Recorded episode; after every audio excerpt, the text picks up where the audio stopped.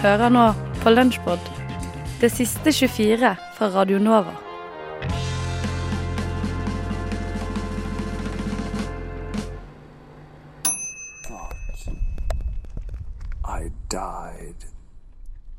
Du hører altså ikke på et uh, dataspill med litt sånn pinlig uh, snakking fra den skumle helten. Tvert imot så hører du altså på snakkende kunst i Ekebergparken. Vi har nå greid å. Ja, ja, ja. ja. Nei, ja, ja, jeg skjønner det. Nei, vi står her altså foran en Walk on by. Ja, vær st- Nei, Han jeg må... gå videre. Ja, han sa det. Vi, skal vi gå videre? Jeg tror kanskje vi blir nødt til det. Ja, det Det er er jo en ånd, det er ånd i lampen der, på sett og vis. Ja. Bør respekteres. Det er en uh, lyktestolpe som, uh, som sier meningsløse ting til oss, som om han var uh, eh, en litt sånn pain eh, sånn eh, Den onde jævelen på skulderen din i et eh, halvdårlig dataspill. Eller voiceoveren i en sånn detektivfilm noir-greie. Ikke sant? I knew she was trouble from the moment she walked in the door. But I couldn't resist her. Altså Som du skjønner, så befinner vi oss nå altså i Ekeberg skulpturpark. Eh, denne, denne raseringa av eh, byrommet, som, eller skogrommet, som Kristian Ringnes eh, starta med her for et eh, par år siden. Eh, Vi tenkte Altså, Det er jo ikke så mye sånne eh, kvinneskulpturer som de, ja, som de snakka om eh, opprinnelig. Skulle det jo bare være Christian Ringnes eh, runkefantasier om eh, nakne damer. Men det jeg tror er altså ikke lenger. Mesteparten av det som er her, kan du nok eh, liksom få assosiasjoner i den retningen. Ja, altså, Den, nå, den der, for eksempel. Det er metaforer på kvinnekroppsdeler. Ja, men se på den der. Det ser jo ut som et ansikt nederst med en litt sånn rar håroppsats på toppen. ja, eller er det et ansikt på toppen også? Ja, ikke sant? Eh, Det, og det er kan- det er kunst, ikke sant? Det er det som er egenskapen til kunst.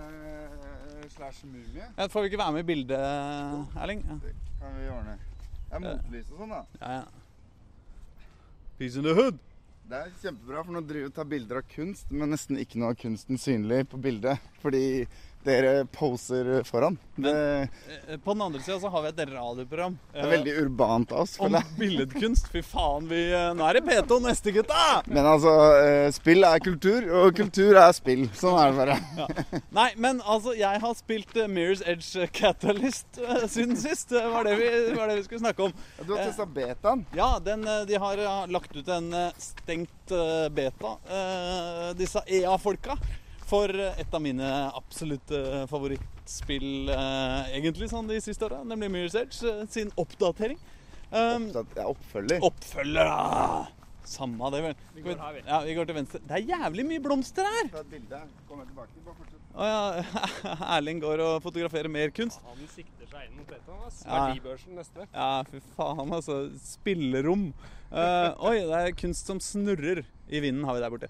Nei, Mirror's Edge eh, Catalyst er uh, Mirror's Edge 2, kan vi vel si. Det er uh, et uh, løpe...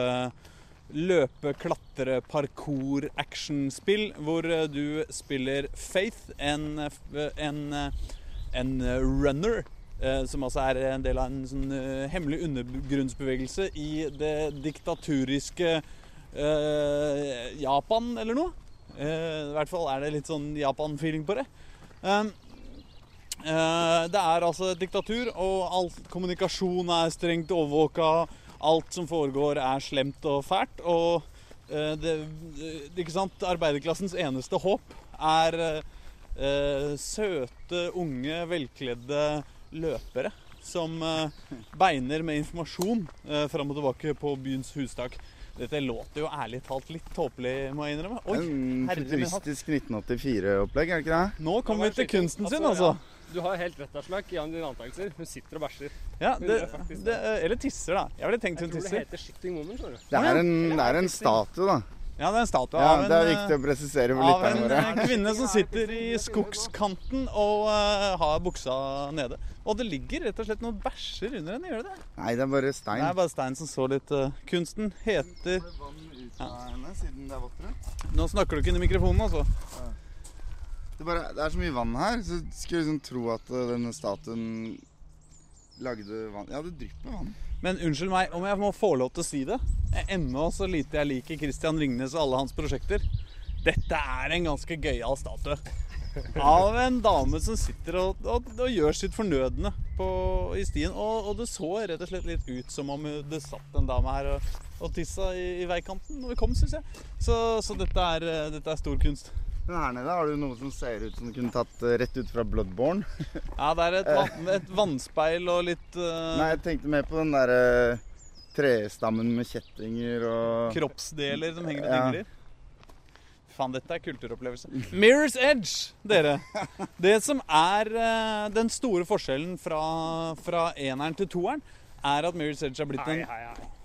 en, åpen eh, en åpen eh, sandkasseverden hvor du kan løpe hvor du vil og gjøre hva du vil. Hvilket er jo et uh, Ja, Gigantisk framskritt. Det, var, det var litt halvåpent, var det ikke det? Men det var noen sånne røde elementer som guida deg dit du skulle.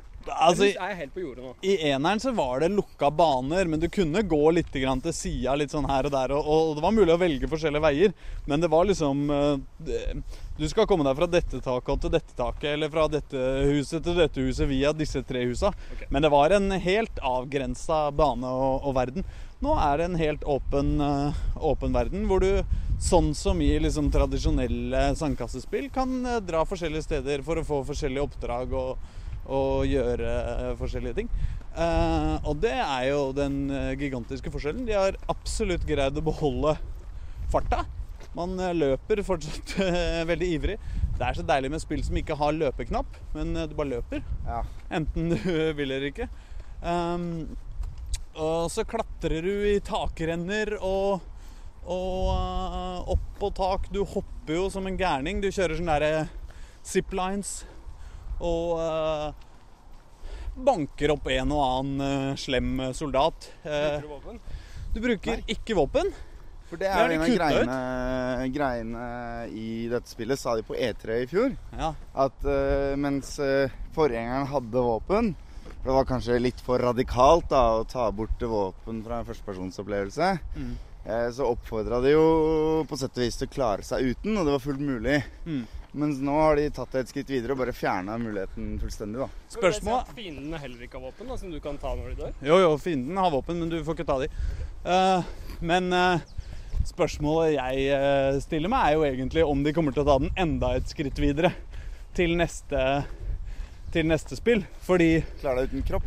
Nei, klarer deg uten å banke folk. Ja. Fordi det er jo fortsatt slåssing. Eh, du må fortsatt eh, sparke og dælje til folk. Det er mest sparking, forresten. Du fikk, ikke fikk du ikke en trophy som het pacifist hvis du ikke brukte Altså ikke avfyrte et våpen i eneren? Jo. Det er jo ikke helt pasifistisk å bare måke ned folk eh, likevel, da. Nei, det er jo ikke det, altså. Nei, jeg brukte bare slagvåpen, jeg, så jeg det er er, det er amerikansk pasivisme. Nei, men, men eh, poenget er at eh, den der volden er jo også det kjedeligste med spillet. Og det er det også nå i det nye. Det er ikke det som er gøy, å banke folk.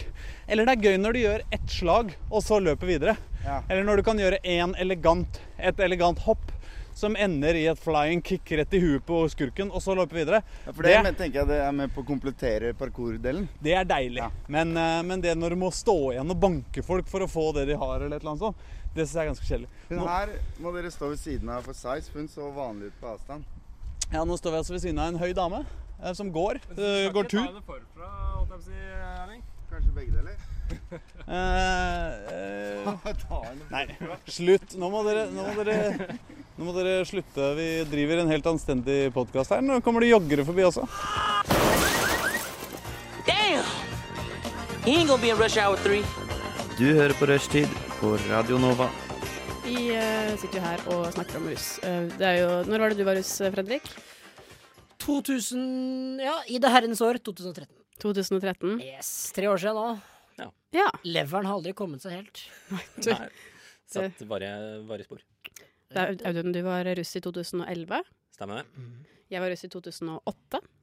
Så vi er jo sammen så er vi jo en gjeng med russeveteraner. Ja, vi er det. Ja. Jeg, jeg tror ikke du kan kalle deg russeveteran med den pinlige russetida du hadde, men ja. Det kan jo hende Se han som satt Fredrik- fremst i bussen og onanert. det kan jo hende at jeg hadde en ganske vill russetid, bare at jeg ikke har lyst til å fortelle om det til alle. Det kan hende at jeg gjorde mye syke ting, jeg også. Hvis du lyver til meg, da mister jeg all tiltro til deg. iallfall. Uansett, da vi sitter Jeg er dønn ærlig. Jeg har vært Ja, det er Jeg var russ. ærlig. Jeg var, jeg var faktisk russ, Fredrik. Jeg, bare, jeg brukte ikke mye penger på Jeg vet at- russeutstyr og jeg sånt. jeg vet at du var russ. Jeg var på russefest. Jeg var på Tryvann til og med. Ja, du jeg, var det, ja. jeg hadde russebukse, masse russekort. Jeg var, drakk faen meg- sykt jeg var i mye. russestyret. Det hadde jeg glemt. Hæ? Ja. Jeg fikk alt sånn russeutstyr gratis. Var det jeg sa, det? Fredrik. Han er sånn populær, han Audun på Mm, Levanger. vet. Særlig at du lå med én. Ja. Han lå med så masse sånne førsteklassinger på Levanger VGS. Ja. Oi. Um, vi skal kåre årets russebuss, og før uh, litt tidligere i sendinga så presenterte da jeg og Audun tre busser. Fredrik, du eliminerte en av dem, Kjendisbussen, Ja, Hemingway. med Lille Marius og William fra Skam. Han kan ikke hete Lille Marius lenger. Store ikke? Marius, da. Hæ, Store Marius. Eller bare Marius. Hvorfor kan den ikke hete Lille Marius? Eh, nei, det er jo rett og slett fordi at eh, jeg har eh, fått nyss i at eh, penisen hans er eh, Men jeg, stor. Um, eh, Fredrik, jeg tror ikke det her, når han ble kalt Lille-Marius, at det uh, henspilte på penisen hans. At han ble kalt det fordi han hadde en liten penis. Jeg tror ikke det var sånn. Nei, men mm, man tolker ting forskjellig! ja, åpenbart. Vi har to russebusser igjen. to russebusser igjen som skal konkurrere om tittelen uh, Audun. Hallo. Vil du presentere din buss nå? Det er, det er jo Trønderbussen. Trønderbussen Kort tid. Elektabuss. 30 sekunder. Hvorfor skal den vinne årets russebuss? OK. Bussen, russebussen Elektabuss er Nord-Trøndelags eneste russebuss. Det er gjengen uh, her. De har gått sammen. Oh, Der fikk du lyden din, ja. Endelig. OK, da starter vi på nytt. Elektabuss er Nord-Trøndelags eneste russebuss. Det er en solid gjeng som har gått sammen og skaffa seg en heftig buss for å gjøre det russetida handler om. Nemlig rulle, rulle, rulle. Å ja, du gjetta riktig. Rulle.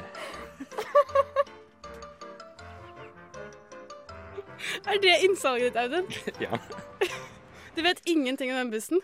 Du, de har en, eh, de har eh, en Pokémon, er det vel? Herregud. På, på bakruta. Pokémon fanger alle nå! Åh, Riktig. noen ganger. Jeg syns du var kreativ. Tusen takk. Eh, kan jeg presentere min buss?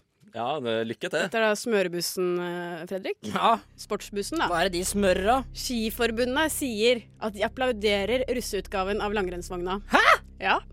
Russetida er akkurat sparket i gang, og i tradisjonen tro har mange, særlig i østlandsområdet, anskaffet russebuss. Og det er ikke vanskelig å skjønne hvor de 29 Oslo-gutta på Smørebussen 2016 har hentet inspirasjonen fra. Etter navnet, og ikke minst dekorasjonen å dømme. Det er, det er ikke noe glidemiddel-underbyggende tema i dag, greiene her? I og med at det er russ, så er det jo nærliggende å tro det. Nå, egentlig det jeg gjør nå, er at jeg leser opp en sak der fra Skiforbundet. Men, men poenget er at dette her Hvorfor er får vi sånn der småharry Queen-versjon på øret? We are the champions jeg, jeg, jeg hadde forventet at du skulle kåre det som en umiddelbar vinner etter at jeg sa at Skiforbundet hyller russebussen. Her skal vi ha full dokumentasjon. Her må Det står her på Dagbladet. Miriam Ja. Bakkejord.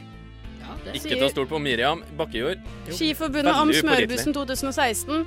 De er ikke sponsor, men de applauderer russeutgaven av langrennsvogna. Ja, det er jo Jeg kårer den. Smørebussen 2016, Nordstrandsgutta. Årets russebuss 2016. Det er det verste jeg har hørt. Nei, det er, de, de, eh, det er sportslig tema. Nord-Trøndelag har én russebuss, Fredrik. Ja. Én russebuss, Ja. og du underkuer Fy faen. Men vi vant, ta, de. skal ta det til senga. Gutta fra Trøndelag det er to, to hele fylker. Det er klart å skrape Snart blir vi ett, og det, det gjør saken Ja. enda verre. Ja, det gjør det. Det er som uh, Sunnmøre og Nei, Sunnmøre og Romsdal. Det var som Kjetil Rekdal sa. Det er som Norge og Sverige. Sunnmøringer og romsdalinger. Ja. Skal vi applaudere og kongratulere Kongshavn videregående skole, Oslo Handelsgymnasium, Vang toppidrett. Det er også skole for folk som er interessert i fotball. Eh, Kuben videregående, Persbråten, Lambertseter, Hartvig Nissen, Bjørnholt og Ski videregående skole. hvorfor ramser du opp alle de her? For det er de som var på Smørbussen 2016 og vant. Å ja, så mange, ja. Ha det. En stor buss. Hvor mange var det som var på bussen din, Audun? Nei, det, det er vanskelig å si, men det er jo ikke så mye folk i Trøndelag, så det kan ikke ha vært så veldig mange. Nei. Nei, men de var i hvert fall gir, gira på å rulle, rulle, rulle. Og rulle. Rulle, rulle, rulle. Og rulle. Eh, jeg har aldri rullet med en russebuss, Ikke jeg heller. Men du har rullet deg høye før. Det har jeg. Skål for deg. Skal vi høre på 'Aiming for en rike'? Vi ruller videre, si. Billion year contract. Hør på rushtid for Radio Nova. Jeg syns nesten litt synd på Reverend Horton Heat, som liksom aldri klarte å toppe den låta her. 400 bucks. Uh, nei, helt enig. Det er jo fra andre plata deres som kom i 93 eller noe nå. Eh, etter det så har de vel gitt ut sju plater, og ingen av dem er i, i nærheten. Du, jeg har en uh, avtale om å ha, ta en kaffekopp med en bergenser uh, på tampen av denne uka. Mm. Halla, da må du si 'halla igjen, Stolsekleiven'. Ok, hva er det siste? Kategori! Mm -hmm. Så da er du i mål. Da, da går uh, praten av seg sjøl etter det. Ja, ok. Fordi det er nettopp dette med sjargon jeg er opptatt av. S- Stolsen, eller Stolsekleiven, er jo en veldig bratt bakke som man går opp på tid her i Bergen. Ja, fordi jeg Det var litt sånn SMS-ing fra og tilbake mellom meg og denne mannen fra denne byen. Mhm. Og så prøvde jeg å avtale tid og sted for møtet. Og så ble vi enige. Mhm. Og da skrev jeg 'flott, da ses vi der'. Og hvorpå han svarte 'den er brun'. Ja, det sier en faen hakke meg hele tida. Hva betyr det? Den er god, brun. Hæ? Den er god. Tipp topp. Den er grei. brun? Den er brun, ja. De sier også den er hyttebrun, sier de også. Hva betyr det da? Nei, det er det samme. Ok, Den er Den er brun. hyttebrun. Ja, den er brun. Den er brun? Er det, er det uttrykket alltid eksistert der borte? Jeg har ikke hørt det før nå. jeg. Eh, det har det helt eh, sikkert. Eh, ja, ja, nei, den er brun, ja. Nei, det er liksom Jeg vet ikke. Det er OK, liksom. Veldig spesielt. Uh, jo, det er meget, eh, meget spesielt. Uh, men du blir jo litt gæren av det. Ja. Er det den Eh, eldre garde som bruker dette? Er det som Nei, nei, nei, nei, nei, nei. Det er eh, det er hele Dette har de holdt på med i hvert fall i 20-30 år her borte. Uh, så Du kan høre Eh, barn det er, si jo, det. det, er jo en veldig sterk eh, avførings... eh, assosiasjon, da, med det. Både, altså det er jo avføring og nazisme. Det er da man bruker eh, brun som et uttrykk. Ja, ja, ja. Eh, Nei, men den er brun, ja. Tommel opp, liksom. Men jeg tror lenger ned på Sør Sørlandet så er det den er hyttebrun. Ja. Ja. Men det er kanskje fordi på Sørlandet så vil de jo, de vil jo på en måte bare avverge hele den misforståelsen om avføring med en gang. Ja. For det er jo mer pietistisk og uh, prude. Så der er det ja, den er hyttebrun. Ja. Uh, mm. Men eh, ja, ja det er, Nei, det er de Du vet at um, Altså for Den eneste, eneste måten, gangen jeg har brukt den setningen, er for å beskrive en hund jeg har sett. Ja, Hvordan den er den ut? brun, Den er, den er brun. Ja, eller tissen din. Eller tissen, ja. Ikke sant? Mm. Nei, den er, den er brun, den. Men ehm, eh, de eh, har så mange mangler i språket sitt her borte Ja at du får lyst til å kaste opp på dem. Eh, for eksempel uh, fat. Fat? Ja, fat. Altså, Hva er, hva, er et fat hva er et fat for deg? Det er en, eh, det er en, altså, en litt sånn større sånn tallerkenanordning. Ja, det er et fat. Et fat er et fat. Et fat er et fat. Det er en større tallerken. For eksempel du Ja. legger kaker kan du legge på fat. Du kan også skjære opp en biff på det på et stort fat. Et stekefat, for eksempel. Nei, men vet du hva et fat er? Nei. Eh, I Bergen så er fat Mm. eh, også et fat. Men fat er også en tallerken. Et fat er også en liten sånn frokosttallerken. En fat, eh, et fat er også en skål eller en bolle. Et fat er også den lille asjetten som er under en kopp. Ja. Så sier de Kan du gå bort til skapet og hente to fat? Hent, meg- hent meg et fat. Jeg går jo alltid og henter et fat. Jeg er et fuckings digert fat inni skapet. Så Selvfølgelig. Ja, selvfølgelig, for det er bare det som er fat. Nei, nei, nei, ikke, det går, jeg kan ikke gjøre det. Mm. Og så har jeg henta feil fat. Eh, hva heter den, eh, det som er helt nederst på beina der? Den som du står på? Fat? Nei. Nei, altså tenk på foten. Ja. Eh, fot, ja. Ja. Eh, hva heter det som kommer Begynn nederst, så ta meg gjennom hva det heter, så skal jeg si hva det heter i Bergen. jeg tror jeg vet hva det blir. Altså, du begynner med tærne, så har du fot. Fot. ankel, legg. Fot. Ankelen også er fot. Lår. Fot. Ja. Og så har du hele beinet, da. Ja, jeg har vondt i foten. og der vi kom fra, så er jo det foten. Selve det bladet som er helt nederst der, liksom, det er foten. Men, men Nei, si... det, jeg har vondt i foten. Det, det kan være, kan være kneoperert, for alt jeg veit. hvis, det- hvis det ligger en fot på et fat, det kan være absolutt hva som helst. Det kan være et Ja, helt, det kan være et, låt, eh, et lår på en bitte liten teasjett. ja, det kan være et helt ben som ligger på Ja. som, ja. Vi- Eh, mens vi er inne på kjøkkenet. Ja. vi er inne på uh, steikepanne, ikke sant? Mhm. Panne. ja. Ja, eh, en, eh, ja en kjele, for eksempel. Mm. Panne. Ja. Eh, alt som ikke eh, Eller alt som du lager mat i, er panne. Men eh, så veldig Bortsett fra det du baker i ovnen, da. Det er fat. Faen, ass. Men så rart at de bare er fjernet ord. Fjerna, ja. De Jeg har har- bare gitt opp. Det er tolv ord i det bergenske språk. Ja, men så er det 6000 ord for å beskrive hvor eh, fin de syns byen sin er. Ja. Alle er enige om at det er verdens fineste by. Den er brun. Uh, hvorfor regner det så mye? Det er fordi Gud syns han er så fin, så han vil vaske han ofte. Eh, nei, det er, det er et sjanseløst sted, så lykke til med den praten. Eh, ja, men jeg, jeg syns faktisk det ble lettere nå, for jeg trenger egentlig bare to ord. Fat og fot. Ja, og panne. Og, Fat, fot eh, og panne, så er, kan du holde praten gående ganske lenge. En panne. Hent meg en panne. Det er lett. Hent meg en panne. Ja, du, henter jo steikepanne, da? Ja, ja. Det er ikke noe annet å gjøre. ja. Og eh, etter hvert, eh, så Knaggen. Emneknaggen. Studentenes debattprogram på Radio Nova. Radio Nova Susann, kan du fortelle oss litt om den undersøkelsen som dere har gjort? Det kan jeg gjøre, vet du. Vi har jo sett eh, over lang tid egentlig at eh, studiestøtten har vært eh, generelt lavt. Den har ikke holdt følge med den generelle pris- og lønnsveksten i, i Norge. Eh, og vi har sett at på de budsjettene vi ser på, så går studentene ca. 4000 kroner i minus hver måned.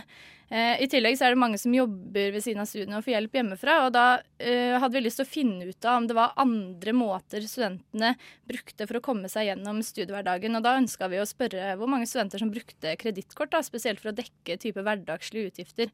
Så det var derfor vi ønska å stille spørsmålet, for å se hvilke andre kilder måte, studentene går til da, for å klare å, å komme seg gjennom hverdagen økonomisk. Hva slags andre kilder er det du bruker? Er det bare det å deltidsjobb, eller er det noe Nei, Det ene er jo deltidsjobb, og det er veldig mange studenter som jobber ved siden av studiene. Ni av ti studenter har jobb eh, ved siden av studiene, så det er viktig for at de skal kunne komme seg gjennom eh, hverdagen. I tillegg så ser vi at fire av ti studenter får økonomisk støtte hjemmefra.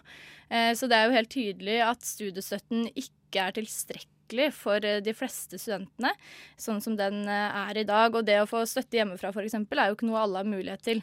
Eh, Så det er et problem at den studiestøtten man får er såpass lav. De månedlige utbetalingene dekker ikke de vanlige kostnadene en student har. Da. Er det noe dere i Norsk studentorganisasjon har, eller har dere noen planer for å prøve å øke studiestøtten? Er det noe dere har prøvd å gjøre? Dette er jo en av de tingene som vi jobber kanskje aller mest med i Norsk studentorganisasjon, og spesielt opp mot eh, statsbudsjettet, der det vedtas eh, hva slags studiestøtteordning man skal ha, hvilket nivå den skal ligge på. Eh, En av studentenes viktigste saker egentlig i alle år har jo vært å få elleve måneders studiestøtte. I dag er det jo sånn at den kommer over ti måneder, og da får jo ikke studentene noe studiestøtte i sommermånedene, som kan være utfordrende. Og nå har vi jo fått gjennomslag for at det skal komme en ellevte måned med, med studiestøtte. Eh, Det skal være en opptrappingsplan da, frem mot 2020, så da skal det endelig være, være innført en ellevte måned. Og det hjelper jo selvfølgelig litt. I tillegg så jobber vi også med å øke de månedlige utbetalingene. Så en av de tingene vi ønsker å få til, er jo at studiestøtten skal knyttes til grunnbeløpet i folketrygden, sånn at vi er sikra en stabil økning av studiestøtten så lenge lønnsveksten generelt eh, er der. Eh, I tillegg til å knytte den til 1,5 ganger grunnbeløpet i folketrygden, som vil innebære i dag er studiestøtten sånn totalt over et år på ca. 100 000, og vi ønsker da at den skal ligge på rundt 120 000-130 000, sånn roughly. Sånn det er ikke et veldig stort krav, men det er noe som vil hjelpe på, da. Dere har ikke kommet noen vei med det? Det er eh, litt verre. Nå har vi jo sett for første gang på veldig lenge at eh, studiestøtten faktisk har økt utover prisvekst eh, de par siste årene. Så det er jo Nå begynner det å gå i, i en positiv retning. Eh, Men vi mener fortsatt at det ikke er tilstrekkelig når man på en måte i så mange år har nedprioritert studentenes eh, økonomiske hverdag. For den grafen, hvis du ser på studiestøtte opp mot eh, generell pris- og lønnsvekst, så er det en svært negativ graf. Studentene er relativt sett så har de mindre penger i dag da enn de hadde f.eks. når statsminister Erna Solberg var student. Da. Så vi håper at det kan komme et skikkelig løft også da på nivået og omfanget på studiestøtten, ikke bare på lengden. Ja, um, Er kredittkort absolutt siste utvei for studenter? Er det andre ting de bør prøve før de går til eh, kreditt- og forbrukslån? Det er jo selvfølgelig veldig uheldig at så mange studenter som vi har sett her, må ty til kredittkort for, for å betale helt hverdagslige utgifter. Og det mener vi jo er et symptom på at studiestøtten generelt er for lav. Eh, og sånn mener vi ikke at, det- ikke at det skal være. Og så er det selvfølgelig sånn at man kan gjøre andre ting. Man kan jo jobbe ved siden av studien f.eks., men det er jo heller ikke noe som alle studenter har mulighet til. Noen studier er mer krevende enn andre, har kanskje mye praksis som gjør det vanskelig å jobbe ved siden av studiene. Og det er heller ikke alle som har mulighet til å få støtte hjemmefra. Eh, Så da ser man jo at kanskje den siste utveien da dermed er å ty til kredittkort, noe vi mener er uheldig, og sånn burde det absolutt ikke være. da. Men altså eksempel i USA da, så er det studenter som ikke har råd til å studere, rett og slett, for de putter seg så stor gjeld. Og jeg lurer på um, hvis da studenter i Norge må betale tilbake både studielån og eventuelt kreditt- og forbrukslån, um, blir kan ikke det da bli en sånn utrolig gjeldstyngde som det ikke fins noen vei ut av den gjelden igjen, på en måte? Ja, Det er jo det vi også er bekymra for. Hvis det er sånn at studentene må sette seg kredittkortgjeld for å komme gjennom studiene, så er jo det en byrde de vil bære med seg senere. Og det er klart at eh, den type gjeld er jo noe man helt klart ikke ønsker å ha. Og det er vanskelig også for studenter å kunne betale ned på kredittkortgjeld underveis i studiene, fordi at studiestøtten er såpass lav som den er. Så det er jo en ekstremt uheldig situasjon. Og alle disse symptomene man ser, da, det at man jobber så mye ved siden av, det at man må få hjelp hjemmefra, bruke kredittkort, eh, er jo på en måte Det underbygger jo bare det, det vi krever, at studiestøtten må opp. For vi kan ikke forvente eller kreve at studentene skal kunne altså, sette seg i gjeld da, for å, for å studere. Når du snakker om det med at de må jobbe, går ikke det ut over selve studietiden? Er ikke det et problem at studenter da ikke klarer både å kombinere jobb og eksamen og det andre må gjøre? Vet du noe om det? Jo, vi har jo em, snakket veldig mye om dette i flere anledninger eh, i det siste. Og det har jo også blitt veldig relevant i forbindelse med studiebarometeret som gjennomføres av NOKUT hvert år, der man ser, eh, spør studentene også hvor mange timer de bruker på studiene i uka. Eh, og der er jo egentlig alle enige om at man ser at studentene bruker mindre tid på studiene enn det man skulle ønske. Vi tror jo at deler av grunnen til det er pga. at man bruker tiden på deltidsjobben isteden. Og det er klart at hvis man ønsker at studentene skal bruke tid i fagmiljøene, bli integrert i det akademiske fellesskapet og virkelig bli en del av, av det fagmiljøet som finnes på utdanningsinstitusjonen, da, og kunne brukes som den ressursen de er, så må de også ha mulighet til å bruke tiden sin på studiestedet. Og da kan man jo også tenke at man kunne stilt høyere krav, også faglig, til studentene, hvis man faktisk realiserte heltidsstudenten. Da. Altså gjorde det mulig å bruke all tid på studiene i studieåret. Så det mener vi ville vært positivt både faglig eh, og, og sosialt og, og psykososialt for studentene, at de faktisk har muligheten til å delta både i det sosiale og faglige miljøet. Da. Når du snakker om heltidsstudenten, vil ikke det igjen bli en viss tyngde på statskassa, da, hvis studenter skulle ha nok til å overleve hvert år, og vi har flere hundre tusen studenter i Norge som alle skal ta opp de lånene? Det blir jo Kan vi klare å presse det inn med det andre på statsbudsjettet, mener du?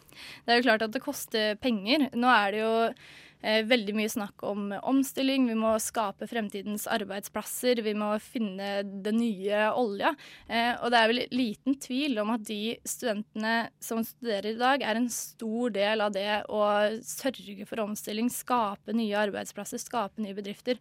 Så vi mener jo at det er en investering som er verdt det, fordi at man vil kunne sikre at man har en mangfoldig studentmasse som kan gå ut i arbeidslivet senere og sikre arbeidsplasser for potensielt mange hundre tusen mennesker. Ja, eh, Har du noen råd om hvordan studenter skal organisere økonomien sin for å klare seg gjennom studiene? Det er klart at det er jo individuelt, og det handler jo også om flere ting som f.eks. hva man har i husleie og den type ting. Og der er det jo også en utfordring at boligmarkedet er, er utfordrende i dag, og mange studenter betaler veldig høy husleie. Eh, Så det er klart at eh, det beste for en student er jo selvfølgelig å kanskje kunne bo i en studentbolig f.eks., der husleien er litt lavere enn på det private markedet. Men igjen så er det såpass få studentboliger da, at det eh, er noe som er forbeholdt eh, de få. Så da gjelder det vel å følge alle generelle økonomiske tips da, med å eh, handle inn mat for hele uka og sørge for at man prøver å spare på de pengene man kan spare på, da, men det er klart at det er utfordrende. Det, det er nok eh, nesten umulig å kunne overleve på, på bare studiestøtten. Da. Eh, jobber dere i NSO med å få flere studiestudentboliger? Det jobber vi også med, og det har det også vært en ganske stor satsing på de siste årene. Nå ble det i forrige statsbudsjett eh, til slutt vedtatt at det skulle bygges eh, 2200 studentboliger. Eh, Det mener vi at er en god, eh, god økning, eh, men vi skulle helst sett at det var enda litt høyere. Eh, NSO ønsker at det skal bygges eh, 3000 nye studentboliger årlig. Eh, For vi ser jo at det er en veldig lav andel av studentene som har mulighet til å bo i en, i en studentbolig. Og det er jo ikke bare sånn at eh, flere studentboliger kun kommer studentene til gode heller. Det er jo også et tiltak som vil kunne lette på mye av det private boligmarkedet også i de byene der det bor mye studenter. Da. Ja, men det blir, det blir kanskje aldri nok da når vi skal bygge Det kommer nye studenter hele tiden. Ja, det er jo en utfordring. Det er det. Ja, men vi håper i hvert fall at man kan, eh, kan bygge litt mer. Og det er jo på en måte Alt dette her er jo en investering i både fremtidens arbeidskraft, men også for å sikre, da, sikre lik rett og lik mulighet til utdanning, da, som er på en måte et av NSOs viktigste prinsipper. For for oss er det veldig viktig at verken din eh, sosiale eller økonomiske bakgrunn eller andre faktorer skal spille inn på eh, i hvilken grad du har mulighet til å ta høyere utdanning eller ikke. Vi mener at høyere utdanning i Norge skal være for alle. Og da er det viktig å sikre at eh, studiestøtte og studentboliger er eh, en, eh, på et sånt nivå og i en sånn omfang da, at det faktisk er mulig for alle å studere på heltid uten å være avhengig av, andre ting, da, støtte hjemmefra eller lignende. Du hø hø hører på. på Radio Nova. Radio Nova. N-O-V-A Nova. Listen to me. Yo, are you listening?